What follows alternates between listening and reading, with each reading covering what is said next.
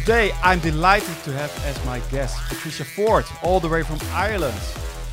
And why do I have her as my guest? Well, I just had bought this book, The Wordsmith, to read to my daughter.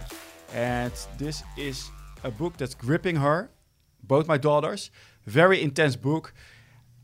It's one of the first books that when I read it, you know, when you read to your children, they're like mostly boring stories. But this book, I think I'm literally more exciting than them to read this book because I know all the implication, implication and what it all means. So, Patricia, welcome. Thank you so much for having me, Alex. It's lovely to be here. All the way from Ireland, and this this book is so gripping. Uh, we'll talk all about it, but I think this is really the first book that I'm reading. Like, okay, that they're like, "Can we go to sleep, Daddy?" I'm like, "No, wait, just one more page."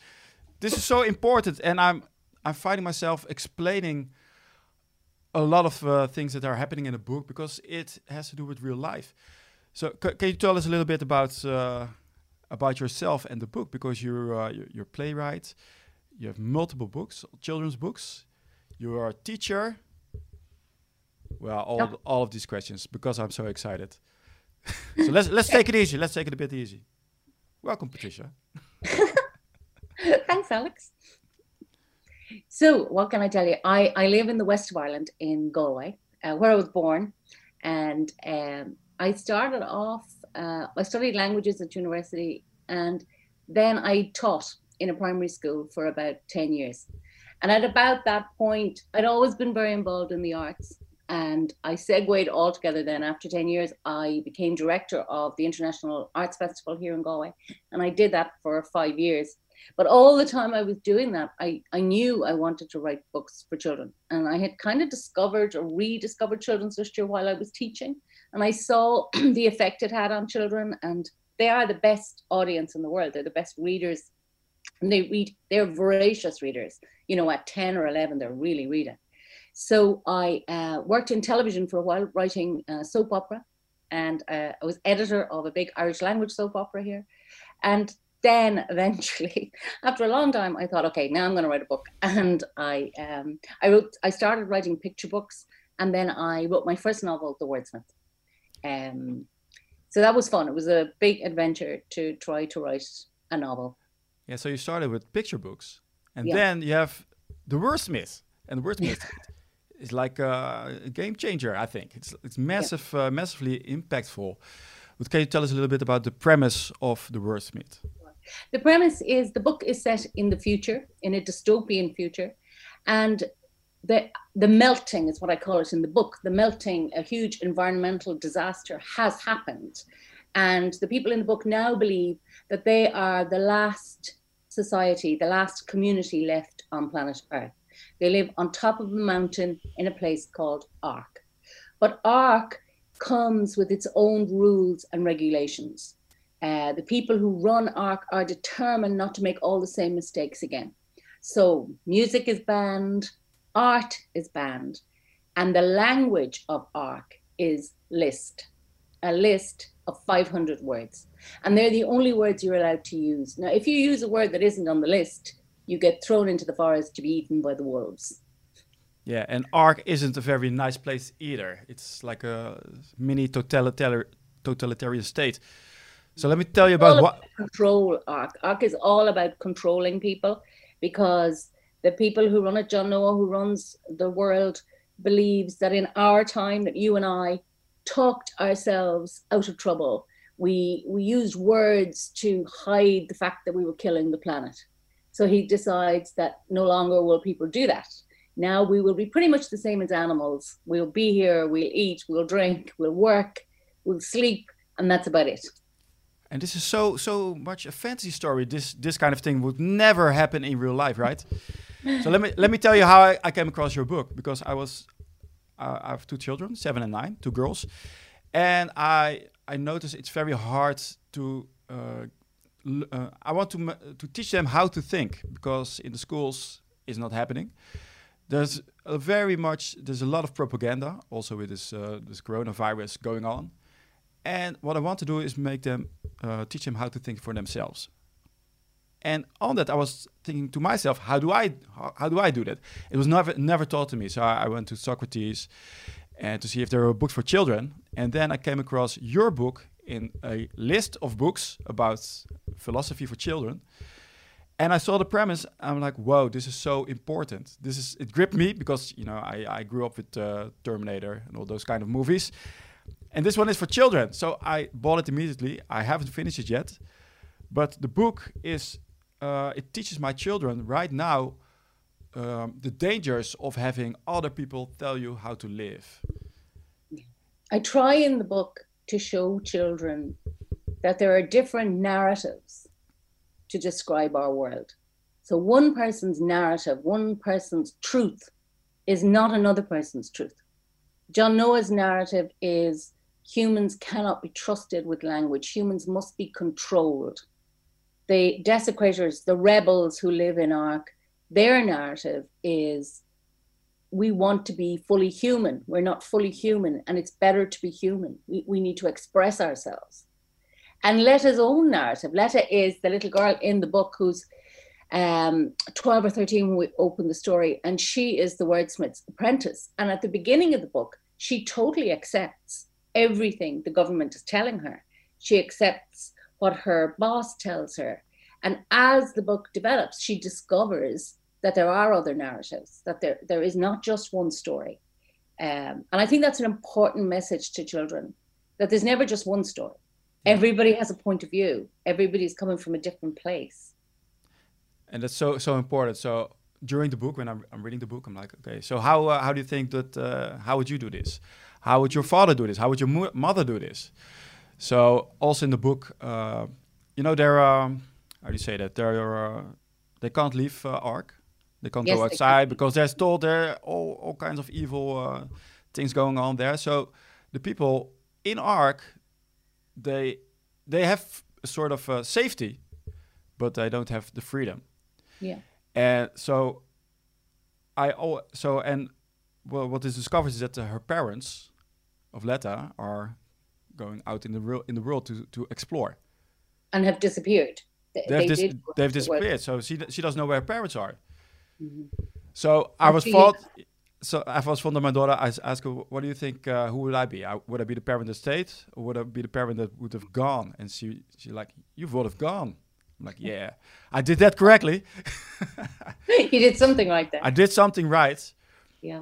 But she she uh, she. Ex- so, so, let's talk about the words. So there's a list of 500 words, and. Mm-hmm. Uh, how do you say there are gavers who enforce yeah. the law they're like the police now that's an interesting word gaver in english.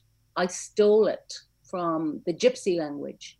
It's what gypsies in their own language call the police the gavers and i love the sound of it. It sounds like they're going to grab you the gavers and in english the man who usually a man who runs a building site we call them the gaffer which i'd say is the same word. It's kind of a leader a gaver a gaffer. So the Gavers run the world. They they enforce John Noah's law, um, but because everything in the world, from the ecological disaster, everything is drowned. So there are no factories. Uh, there's a shoemaker. There's um, a person who makes all the food for everybody in central kitchen. Uh, and writing that was like writing in the past, you know, because they don't have any technology, no phones, no anything. Um, so that was strange. It was like writing an historical novel because it was all going backwards to what they had. Um, I also thought it was interesting in the world, you know, they it's so cruel the world. It's a really harsh world.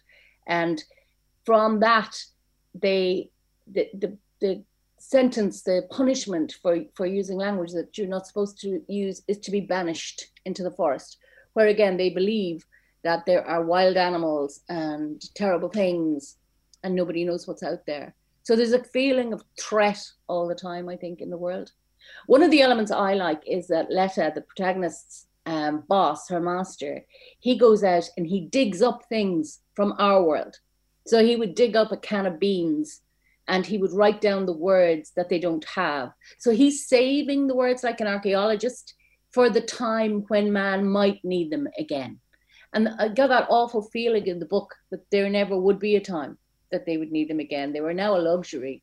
That's true. The words are a luxury, and we don't think about it like that. But mm. also, also in the book, the, the school children they only get a box with words that they can use, and it's very limited.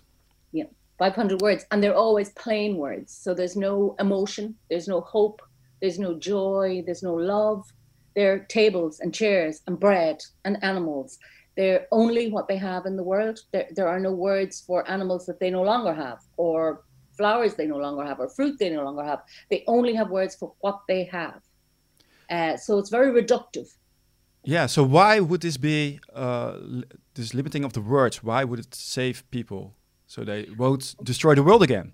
Yes, John Noah thinks that uh, if they don't discuss um, things like revolution, or he wants there to be one idea, one narrative, one story, his story, and he doesn't want people having language who could create a different story or a different narrative or argue with his world.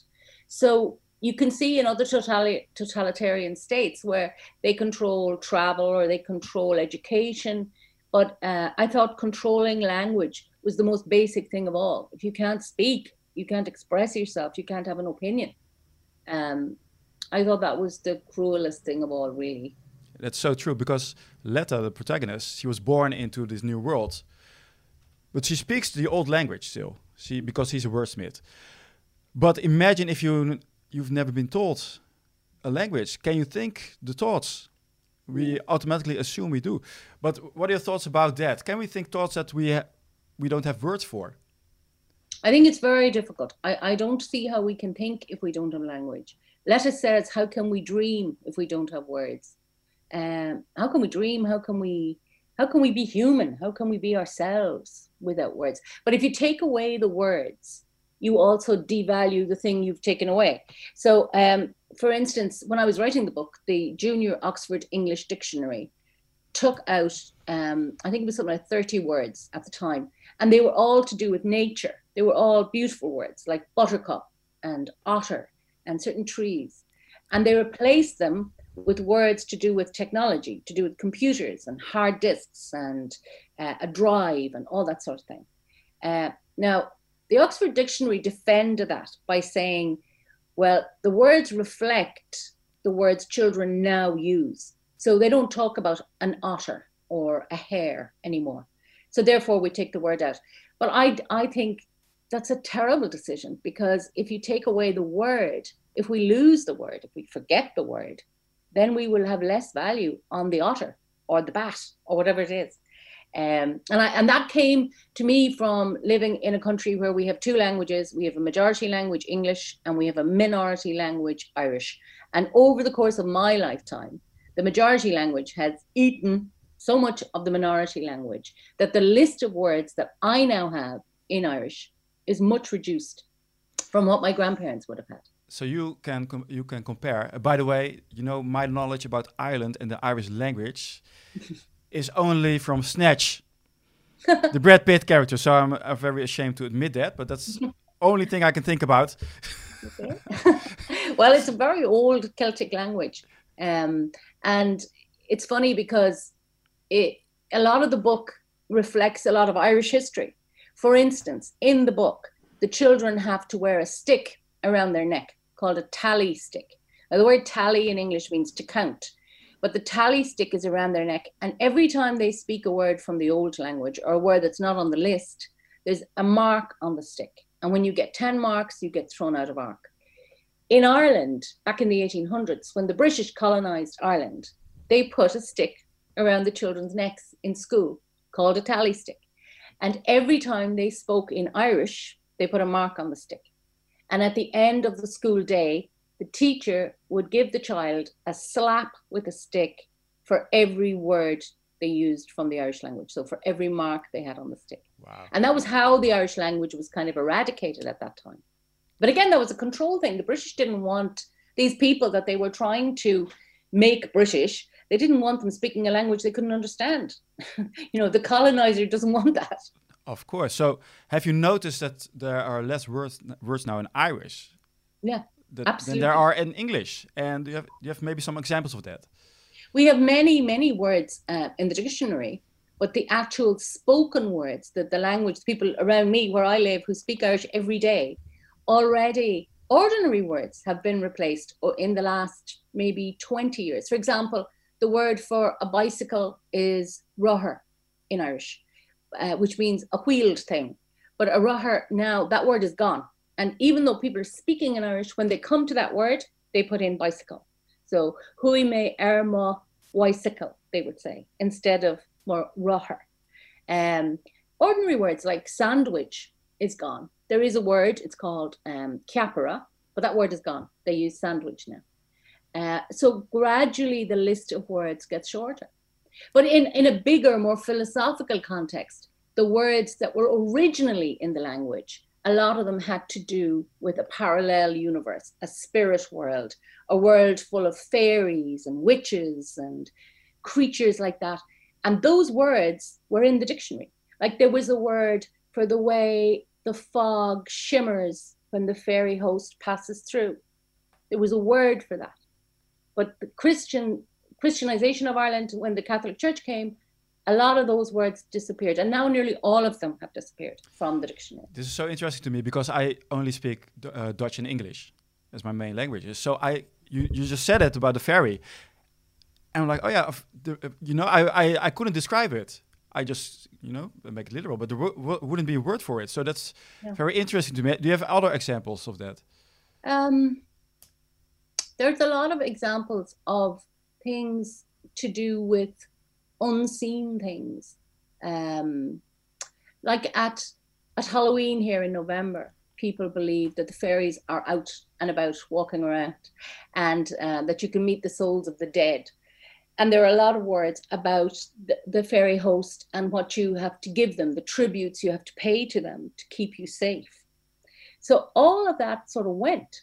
But alongside that, we were a very agricultural country. So a lot of the words, for instance, my grandparents or great grandparents would have had maybe 500 words for different kinds of seaweed. Now we have maybe 10 that people know. People don't know anymore the difference between that seaweed and that seaweed. But back in the time I'm talking about, people did have a word for all of those things. There were words for different kind of fields, what kind of field it was, what grew there, um, and I don't know if you have this uh, in your country, but we had names for the fields. Farmers would give each field a name. A lot of those things are. Going. I'm a city guy, so I would I wouldn't know. Maybe there is. So uh, I get the part where you eat up the language because you don't want the you know the, the people you uh, have conquered to, to speak their own language, and you also devalue the language. But uh, you know, like the fields, is also a way to reduce the knowledge of that's available. So you can't uh, be uh, be effective. In Ark, there are no books. There's no way of accessing knowledge other than what you're told. Ah, um, no so you must depend now on what you're being told. And the alternative narrative came from the rebels who tell what they know, what they've been told. They talk about art and music in our time and how important that was. Um, they talk about uh, how, how man wasn't trying to destroy the world, it just was happening and he didn't do anything about it. But they have a different story and a different version, and different people give them their knowledge. The older people in the rebels tell them, they teach them the music, they teach them the art, they tell them what their version of our world is. So um, why so why would uh, John Noah uh, think that art is dangerous and music is dangerous? Because in the book they're mm. called the rebels, and they're evil. So Letta doesn't want to talk to them even because they are the yeah people of the arts. They're the desecrators. Yeah.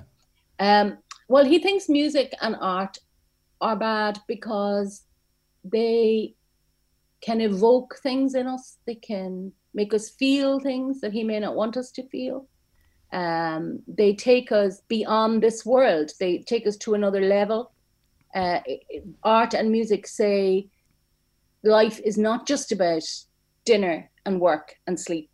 Life is about your soul and your spirit and your imagination. And none of those things are important to John Noah because all of those things lead people to become individuals, to become people singles yeah, yeah. instead okay. of community. So any emotion is hmm. suppressed. It's not good. No, it's suppressed. And also um, mu in music, you have also uh, you can uh, convey messages. Uh, music is used for rituals. Yeah. Also, like there, there is a scene in the book where the people are working, digging potatoes in the field, and on a shed in the field, the musicians appear and they play, and everybody is in their thrall. Everybody is taken by the magic of the music. So it takes them out of Ark. It brings them somewhere else. And like you said earlier, you're not allowed to leave Ark, but you're not even allowed to leave Ark in your head. You're not allowed to take flight and, and go into your imagination because that's not considered valuable.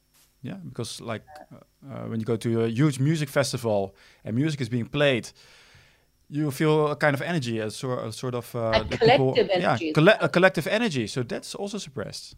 Yeah, that's also that's a good one. So, um, but I suppose they were all the things that were really important to me. You know, like I told you, I worked in the arts pretty much all my life. Yeah. So the arts are hugely important. But I can see how in our schools and our societies, they're not always treated like that. You know, when I was teaching, even the the art, music, these subjects these were, we used to call them the Cinderella subjects, you know, the story of Cinderella. Cinderella didn't get to go to the ball. Uh, these were the subjects that were less important than English, maths, history, geography, science. They were the important subjects. Uh, so that feeling of people not valuing the arts.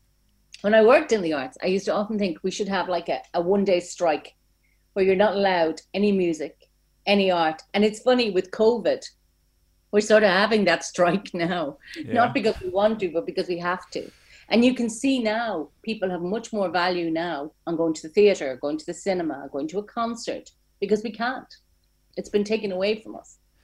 About the the arts in the, in the schools, uh, was there a shift? Like, was it more important years ago? I'm I'm talking 30, 40 years ago than it is now. I don't think so. In Ireland, because we were then so poor that the most important thing was to learn to speak English well and to emigrate. So there was no great basis put it in education, but in society, in the communities, um, Irish music in particular had been the greatest comfort to the Irish people. We had a famine, we had wars, so music was always there. And I think music and the people and storytelling was always there. And before there was television or anything, people visited one another's houses on dark winter's nights and they played the fiddle and they told stories. And that was that was their everything. That was their life. That was their recreation. It was their comfort. It was what brought them together. Um, but then when you know we got more wealthy and we have television, we have the internet, there are a lot of other things to distract us. Uh, but I think for Irish people, Irish music still has a big part in their heart. It's still important to people. Yeah, it's such a shame because uh, I read somewhere that they uh, they ask children, "So are you creative?" So if they started in uh, the primary school, yeah, I'm creative, and the higher up they go, the less hands go up. that's such a shame. That's terrible, but I can't remember who it was. It was some artist was asked, "When did you start drawing?" And he said, "When did you stop?" you know, we Ow. all drew. We all right in the fields. we all made pictures. We all yeah. did that when we were little, and then we stopped. Yeah, um, so much about uh, am I doing this correctly for the teacher? Yeah, yeah, and com- and competitiveness. You know, in every class there is the child who is good at art, and if you ask the other children, they'll say, "No, I'm not good." Alex is the one who's really good at art. You know, John is the one who's really good at running.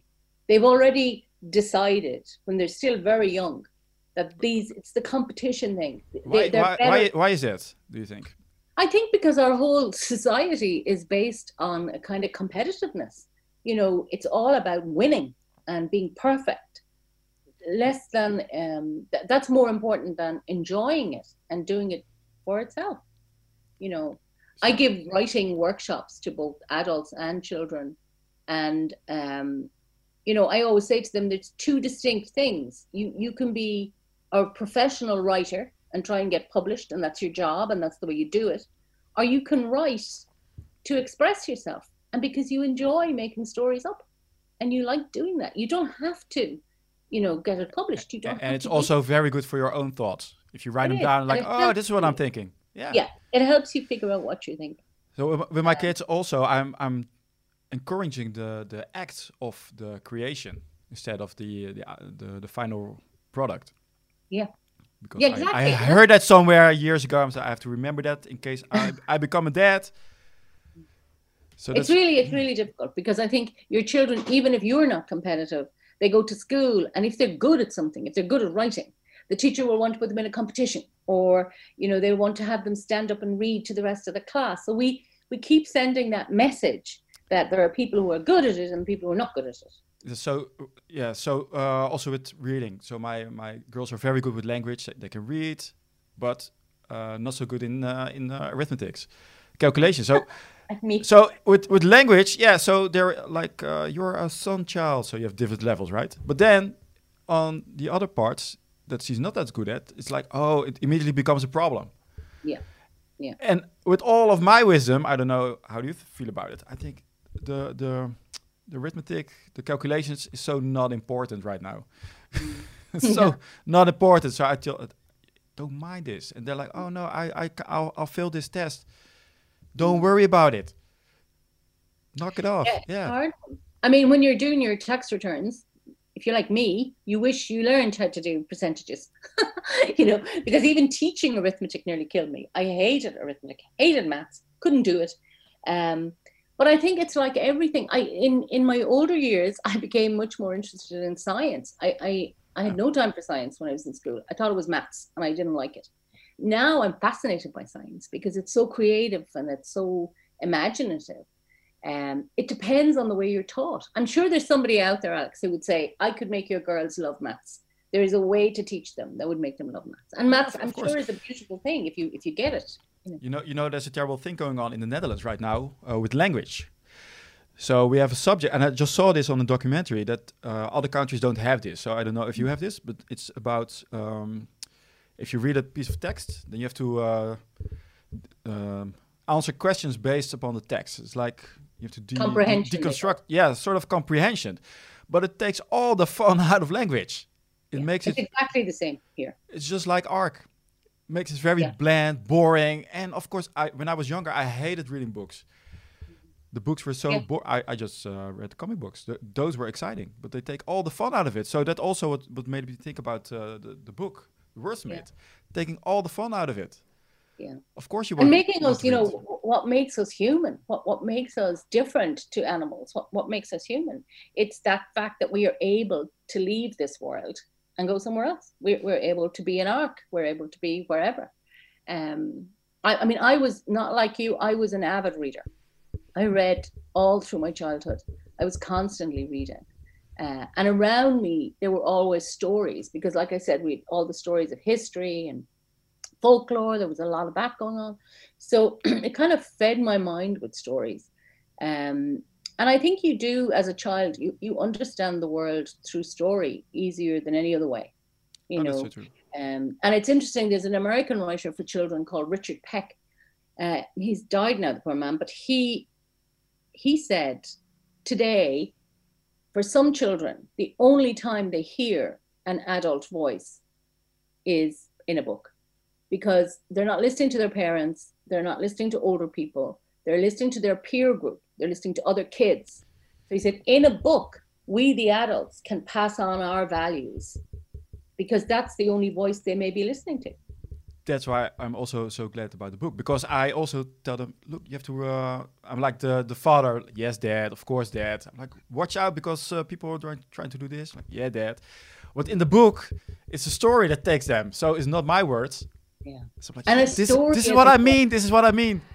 Yeah. It has to be an exciting story i think. True. they have to see it as an adventure story. And and because i worked for television uh, one of the things i learned was how to get them to turn the page. You know you want to the end of a chapter is always a cliffhanger. They need to know what the next thing is. Uh, and that was good training for writing for children because they're they're a very tough audience. Yeah, did now I know you, you did a soap opera. So now uh, yeah. Yeah so stay this is your- tuned. Next week. So um, what was I trying to ask you? But yeah, about uh, did, did- sorry, did you get your inspiration also from uh, the 1984 book? I'm sure that many people Yeah. ha- have asked you this. I, I don't remember much about it. I read it when I was very young, but of course I know the main idea of it. I think the other huge influence was the whole environmental crisis. You know, where I live is in one of the most beautiful parts of the world and on the edge of Connemara, one of the last great wastelands of Europe. Absolutely beautiful, hmm. very delicate, uh, very vulnerable, um, full of, you know, the sea and mountains and lakes. It's a very beautiful place. So with global warming and the way people react to that, you know, that had a big influence on me. I was thinking about that a lot when I was writing the book. Um, in, what, in what way? I was trying to imagine what would happen if the ice caps melted, if the whole world was flooded. What would that be like? What would it actually be like?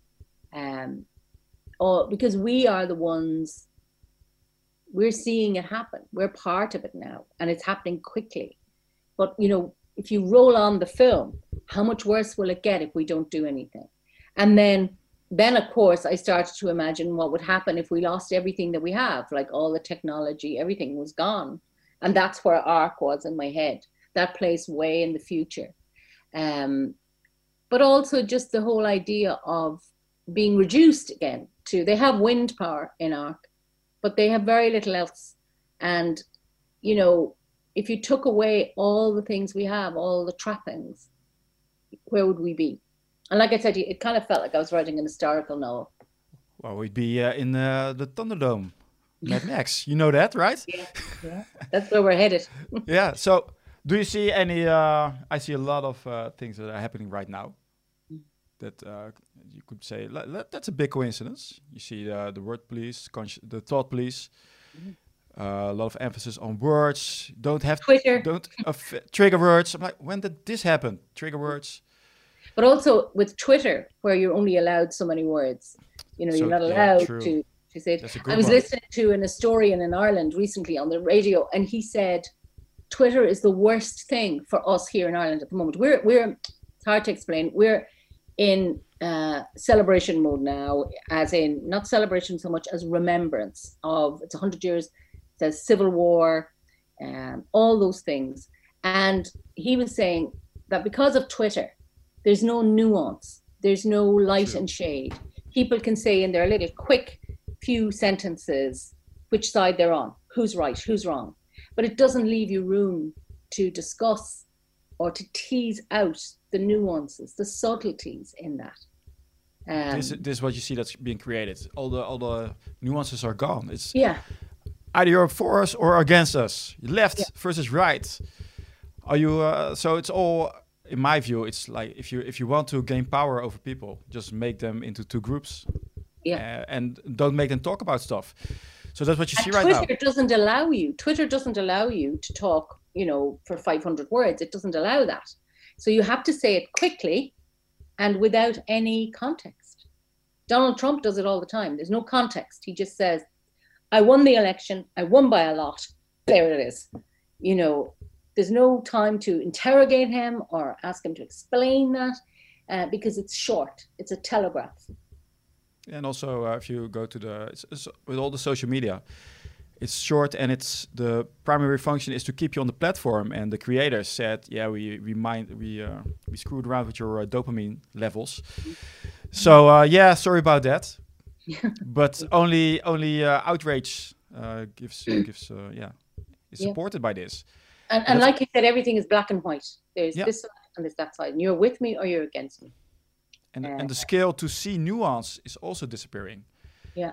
And yeah. you know, also with the trigger words, you know, when I was young, of course you, you had bullies, and you, but you were taught how to, uh, yeah, how to fight for yourself or how to discuss. But right now, it's like people outsource their own emotions, their own uh, incapability to, yeah, to guard their emotions, and say, "You have to be careful with me." Yeah. It's so strange. So the, what happens then? Self-censoring, self-censoring. I can't say this because otherwise the other person might be offended. Mm. But then you get yeah. a country of very weak people. And then also you have people who have no knowledge, they, they, they have no information or education. So they say their thing, I'm against vaccination.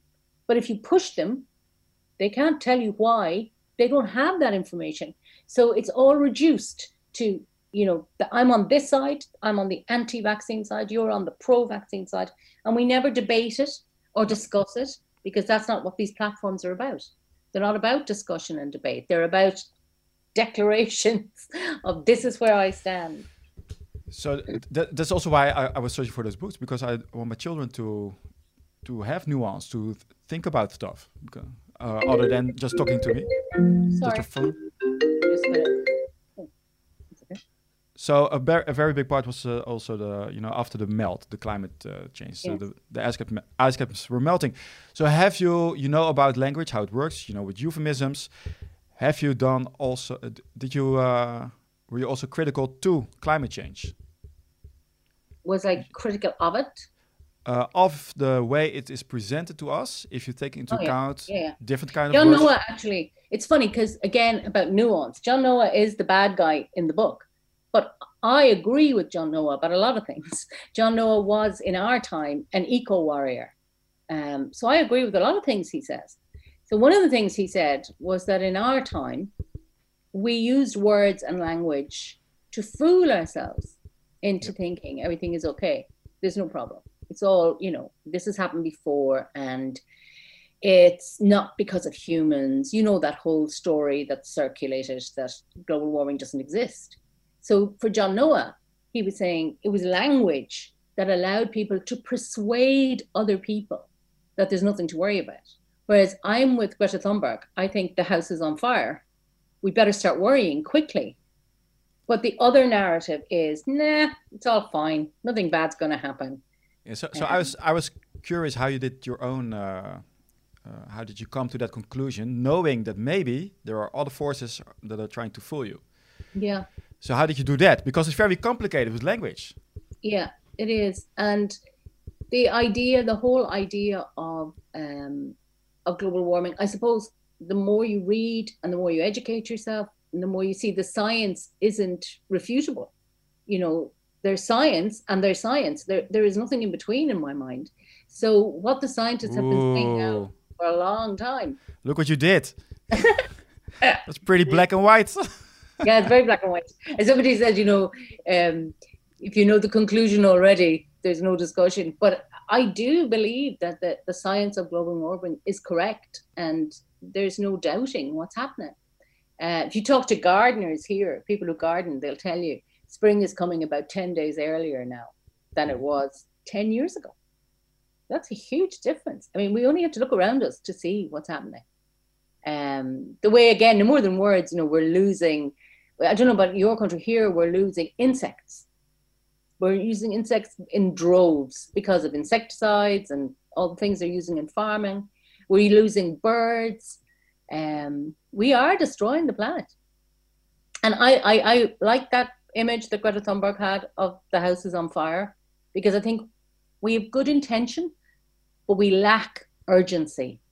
We're lacking speed. And I'm also with, uh, with, with the global warming like something can be true, but it's uh, it could still be deceptive. And just like when they say uh, we have to have green energy, I don't know how it is in energy of uh, in uh, in Ireland, and then it's found out that a lot of green energy isn't actually very green, or that in Europe big companies they they can't have uh, waste uh, too much waste, and then they have to purchase a lot of uh, uh, credits, certificates, and then there's also those kind of things. So it isn't black or white. And are we going to make yeah. the same mistakes again? Like you said about green energy, isn't that green? You know, is this just going to be another way for capitalism to make money? Everything right. will be green, but it won't necessarily be correct or safe. And or, that's what you're trying to teach your girls. We right. need to question everything. Right. The only thing I'm not questioning is I do believe that global warming is happening. It is real. Everything after that, I think you have to question. You have to ask yourself, you know, like you said, how is green energy being produced? How are these things that we're being told are ecologically sound? We need to interrogate them. We didn't interrogate enough of the last technology we had. What, what I wanted to, that my girls say, uh, I also say to them, the, the only reason uh, I know more than you is because I make more mistakes than you. I've made more mistakes than you. So I hope that you girls will teach me a lot. I don't know if I'm right. So that's But I have great hope for the future for those with kids. I think our kids are generally great. I think they are inquisitive and they're curious and they're not as passive as we were. I think when I was a child, we were very passive. We we listened to what we were told. We we believed it. I don't think children are like that now. Really? Certainly, Irish children are very um, curious. They want to know why things are happening. Okay, that's good because I have uh, the opposite views, but, but, I don't go to schools uh, yeah. as much as you. I think a lot of the children now are very, very passive and are not inquisitive. Yeah. But you see the opposite. Well, I do, I suppose, because I'm coming into the class to talk to them about creativity and imagination, so I find yeah. them very curious. Maybe if maybe their own teacher would say they're not like that for history or you know for something else but they like talking about imagination and creativity and they they still love reading. They still an awful lot of children read a lot which is brilliant. They they they love reading. They were telling me recently there was a survey done in europe i think and uh, children are turning away from kindles from devices for reading on. They don't like them. They like the object. They like to be able to see the book. Um, i see it with my own daughter that she loves a book as an object she likes arranging them on a shelf. She likes owning them. Uh, and the Kindle doesn't give you that. You know, she likes giving them, if she li- reads a book and she likes it, she wants to share it with her friends. You know, you can't do that with Kindle. So she, uh, that gives me hope that they, that they do like that. Yeah, that's true. It's a totally different reading experience. Yeah. So there's also a part two that's coming uh, coming out, and I I, re- I, read the. Pre- I have to buy that one, of course. I read the premise. yeah. Like it's pretty dark. Pretty dark. Mother tongue uh, is where Letta has escaped out of Ark. She's now there's a price on her head. She's a wanted person, and she's running with the rebels in the forest. And this is very much about conflict. And there's um, there's a section of the rebels who believe that violence is the only way that they have to fight. They have to kill people, and that's how it's going to get resolved. And then there's another gang led by Fionn, who was in the first book, um, and Marlowe, who believe that negotiation is the way to go. But um, again, there are different narratives. You know, things you think are the right thing to do may turn out to be the wrong thing to do. you have to have been inspired by the left and right. yeah, yeah, and the extremes of that. You know, when I was young, the left was uh, or were the, were the hippies. You yeah. know, the flower power, and yeah. the right were the aggressive uh, ones. Yes, it's and completely upside. Yeah, so what happened? right now, is the left is, uh, is is violent and the right is uh, like uh, yeah, passive. So strange. Very hard to know. Um, but in in that book, I was just trying to talk about, you know, we have a long history of conflict here, um, and the peace agreement isn't that old. So, all through my kind of teen years, there was talk about uh, the Irish Republican Army, the IRA, who believed that violence was the only way. And then you had other politicians who were trying negotiation and the power of discussion and debate. So I tried to put that into the book that different people, they're not bad people, they're not good people, they're just different people who had different ideas of how to go about it, how to fix it. And I don't know about uh, the answer uh, to that one either. If you're mm. suppressed, do you need violence? But it's also about it the, well in, in um, during the what we call the troubles here in the 1990s up till then 1980 1990 when there was you remember in Northern Ireland there was a lot of conflict between the British and the uh, IRA but at that time a law came in that uh, the Irish Republican Army the IRA could not be seen or heard on the media. So they couldn't they couldn't speak on the radio or on television and the way the broadcasters got around that was they hired actors to speak the words that the rebels had said.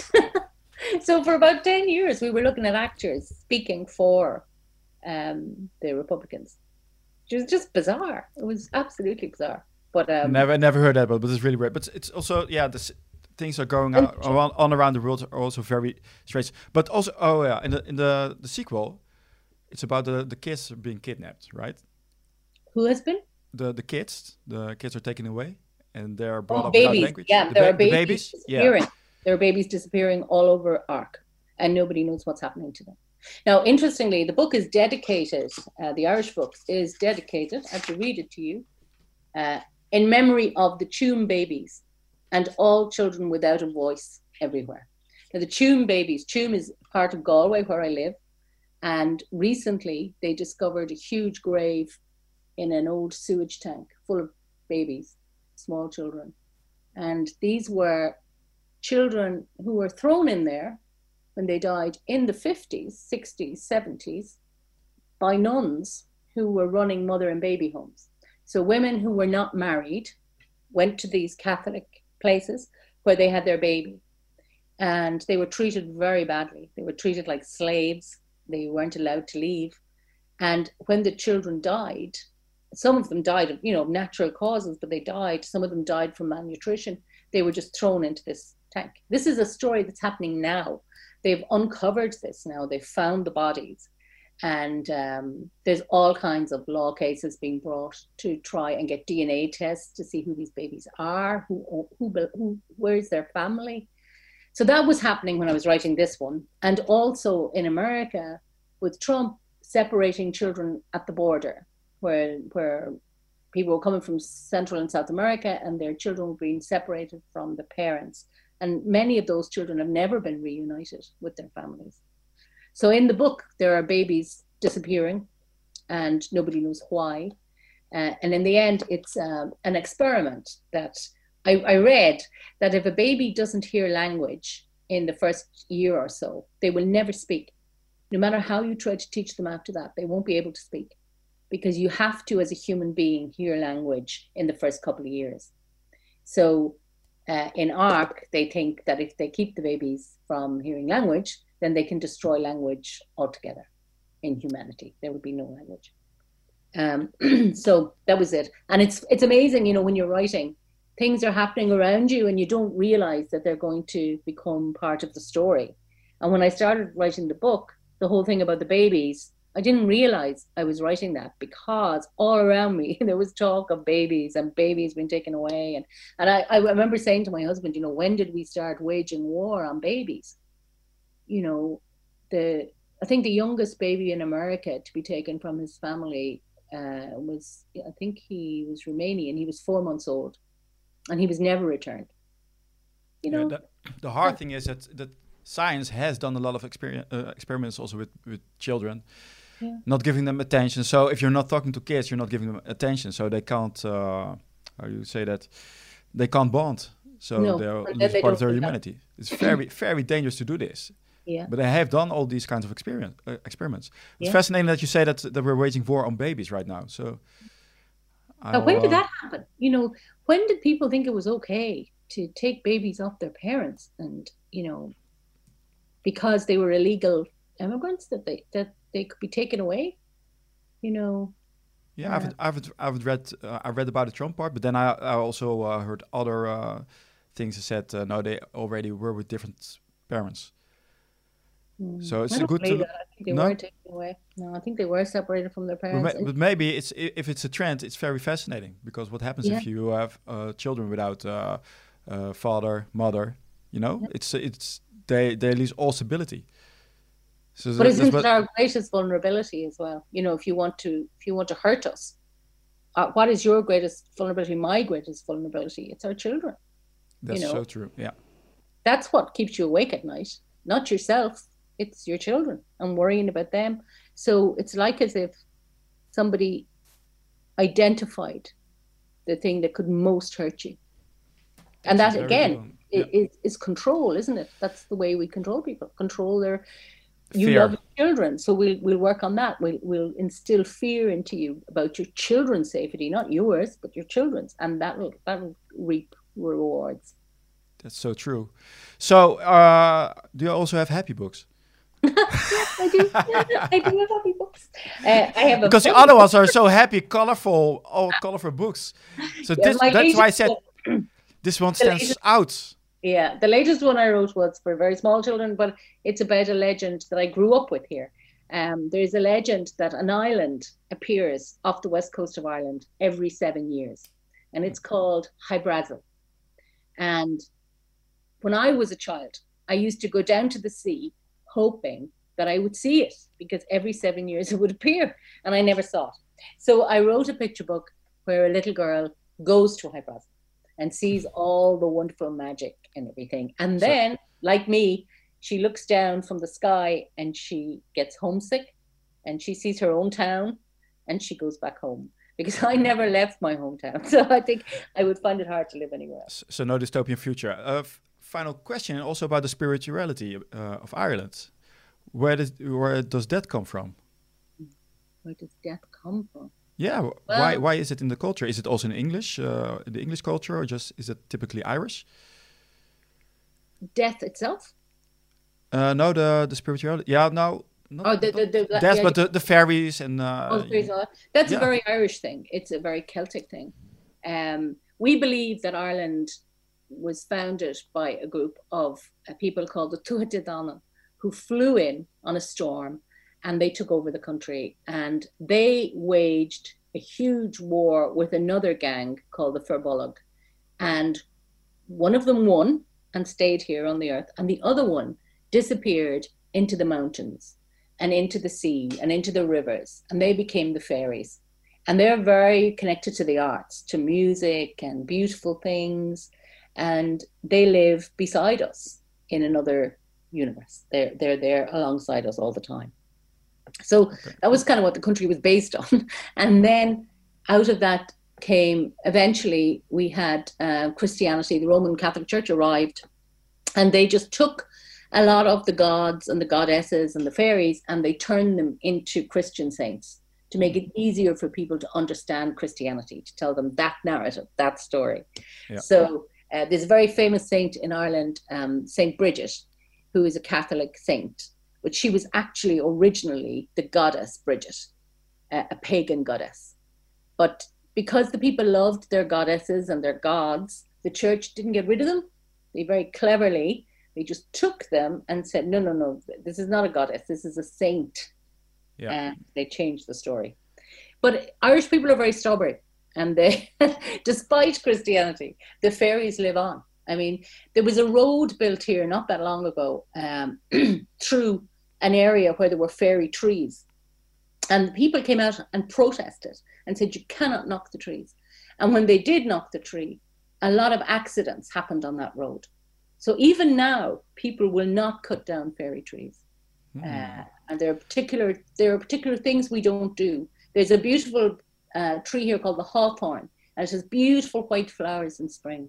But ever since I was a small child, I know you never bring them into the house because they're the fairies they are the fairies tree, the fairies flowers, and you don't bring them into the house. So and I, the, I wouldn't do that. are the fairies are the fairies the good guys or the bad guys? No, they can be both. They can be very mischievous and they can be very cruel. And the fairies, they're your friend if you do everything correctly. But if you don't treat them with respect, then they can become your enemy very quickly and very powerful enemies. The, people were so afraid of them in my grandparents' time, they wouldn't refer to them by name. So they would refer to them as the good people or the little people or themselves, but they wouldn't call them the fairies because they thought that wasn't respectful. And it's funny, you know, in Harry Potter, have you read the Harry Potter books? I've you know, seen the, movie. I've seen the movies. Yeah. You know the way they say, "Don't say the name." You, you don't say Voldemort's name. Yep. You never say his name in case that would draw him on you, that he would then find you. And it was the same with the fairies. You didn't say their name in case they noticed you. Uh, lang- language is also spells, maybe, yeah, a vibration yeah, of sounds. Yeah, you know, if you uh, and if they would, if they took you, and they did take people, they took babies actually. They often would take a baby and replace it with a fairy baby. Now, a fairy baby, you may have had one. Fairy babies are the ones who cry all day and they don't sleep at night and they people believed they were changelings they were called.